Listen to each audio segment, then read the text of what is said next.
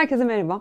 Bu hafta fit sorulara geleceğin becerileri, yetkinlikleriyle ilgili bir soru hatta birkaç soru getirmek istedim. Ee, şimdi insan kaynaklarının eskiden çok sevdiği bir soru vardı. Mülakatlarda da sıklıkla sorarlardı. Kendini 10 sene sonra nerede görüyorsun? Soru zor ama bir yandan da dönem itibariyle galiba artık geçerliğini yitirmiş ya da yitirmesi gereken bir soru. Çünkü bir sene sonrasından emin değilim ya da olamıyorum. Böyle öngörülemeyen bir dönemden geçiyoruz. E, meraklısı olanlar internette Dünya Belirsizlik Endeksine bir bakabilir. Bu endeksi arattığınızda aslında göreceğiniz sonuçlar enteresan. Son 14 yılın en büyük belirsizliğin içinden geçiyoruz. Akan Abdullah'ın da şahane bir hatırlatması var. Bu kadar büyük bir belirsizliğin içinden geçerken de artık bir noktada sonuçlar çağı e, diye tanımlayabileceğimiz bir döneme ihtiyacımız var. Sonuç almaya, sonuç görmeye, gerçekten harekete geçmeye, eylem üretmeye ihtiyaç var.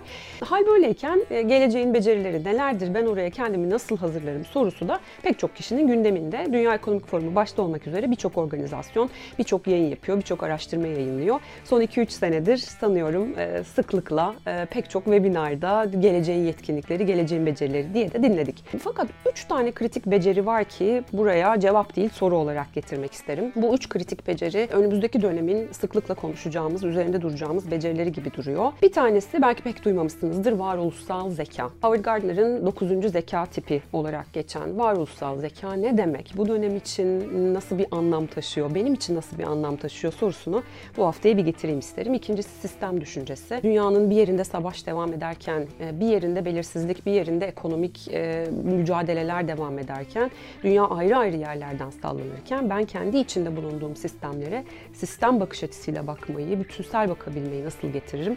Yine ikinci soru. Üçüncü soru da Dünya Ekonomik Forumu'nun listelerin içinde de var. Öğrenmeyi öğrenmek, öğrenme zekası. Kendi gelişimimi sağlamak adına, e, geleceği okuyabilmek adına, kendimi buralarda daha kaslı ve dirayetli tutabilmek adına neyi öğrenmem lazım ve bunun için öğrenmeyi öğrenmek adına nelere bakabilirim? Bu haftanın fit soruları.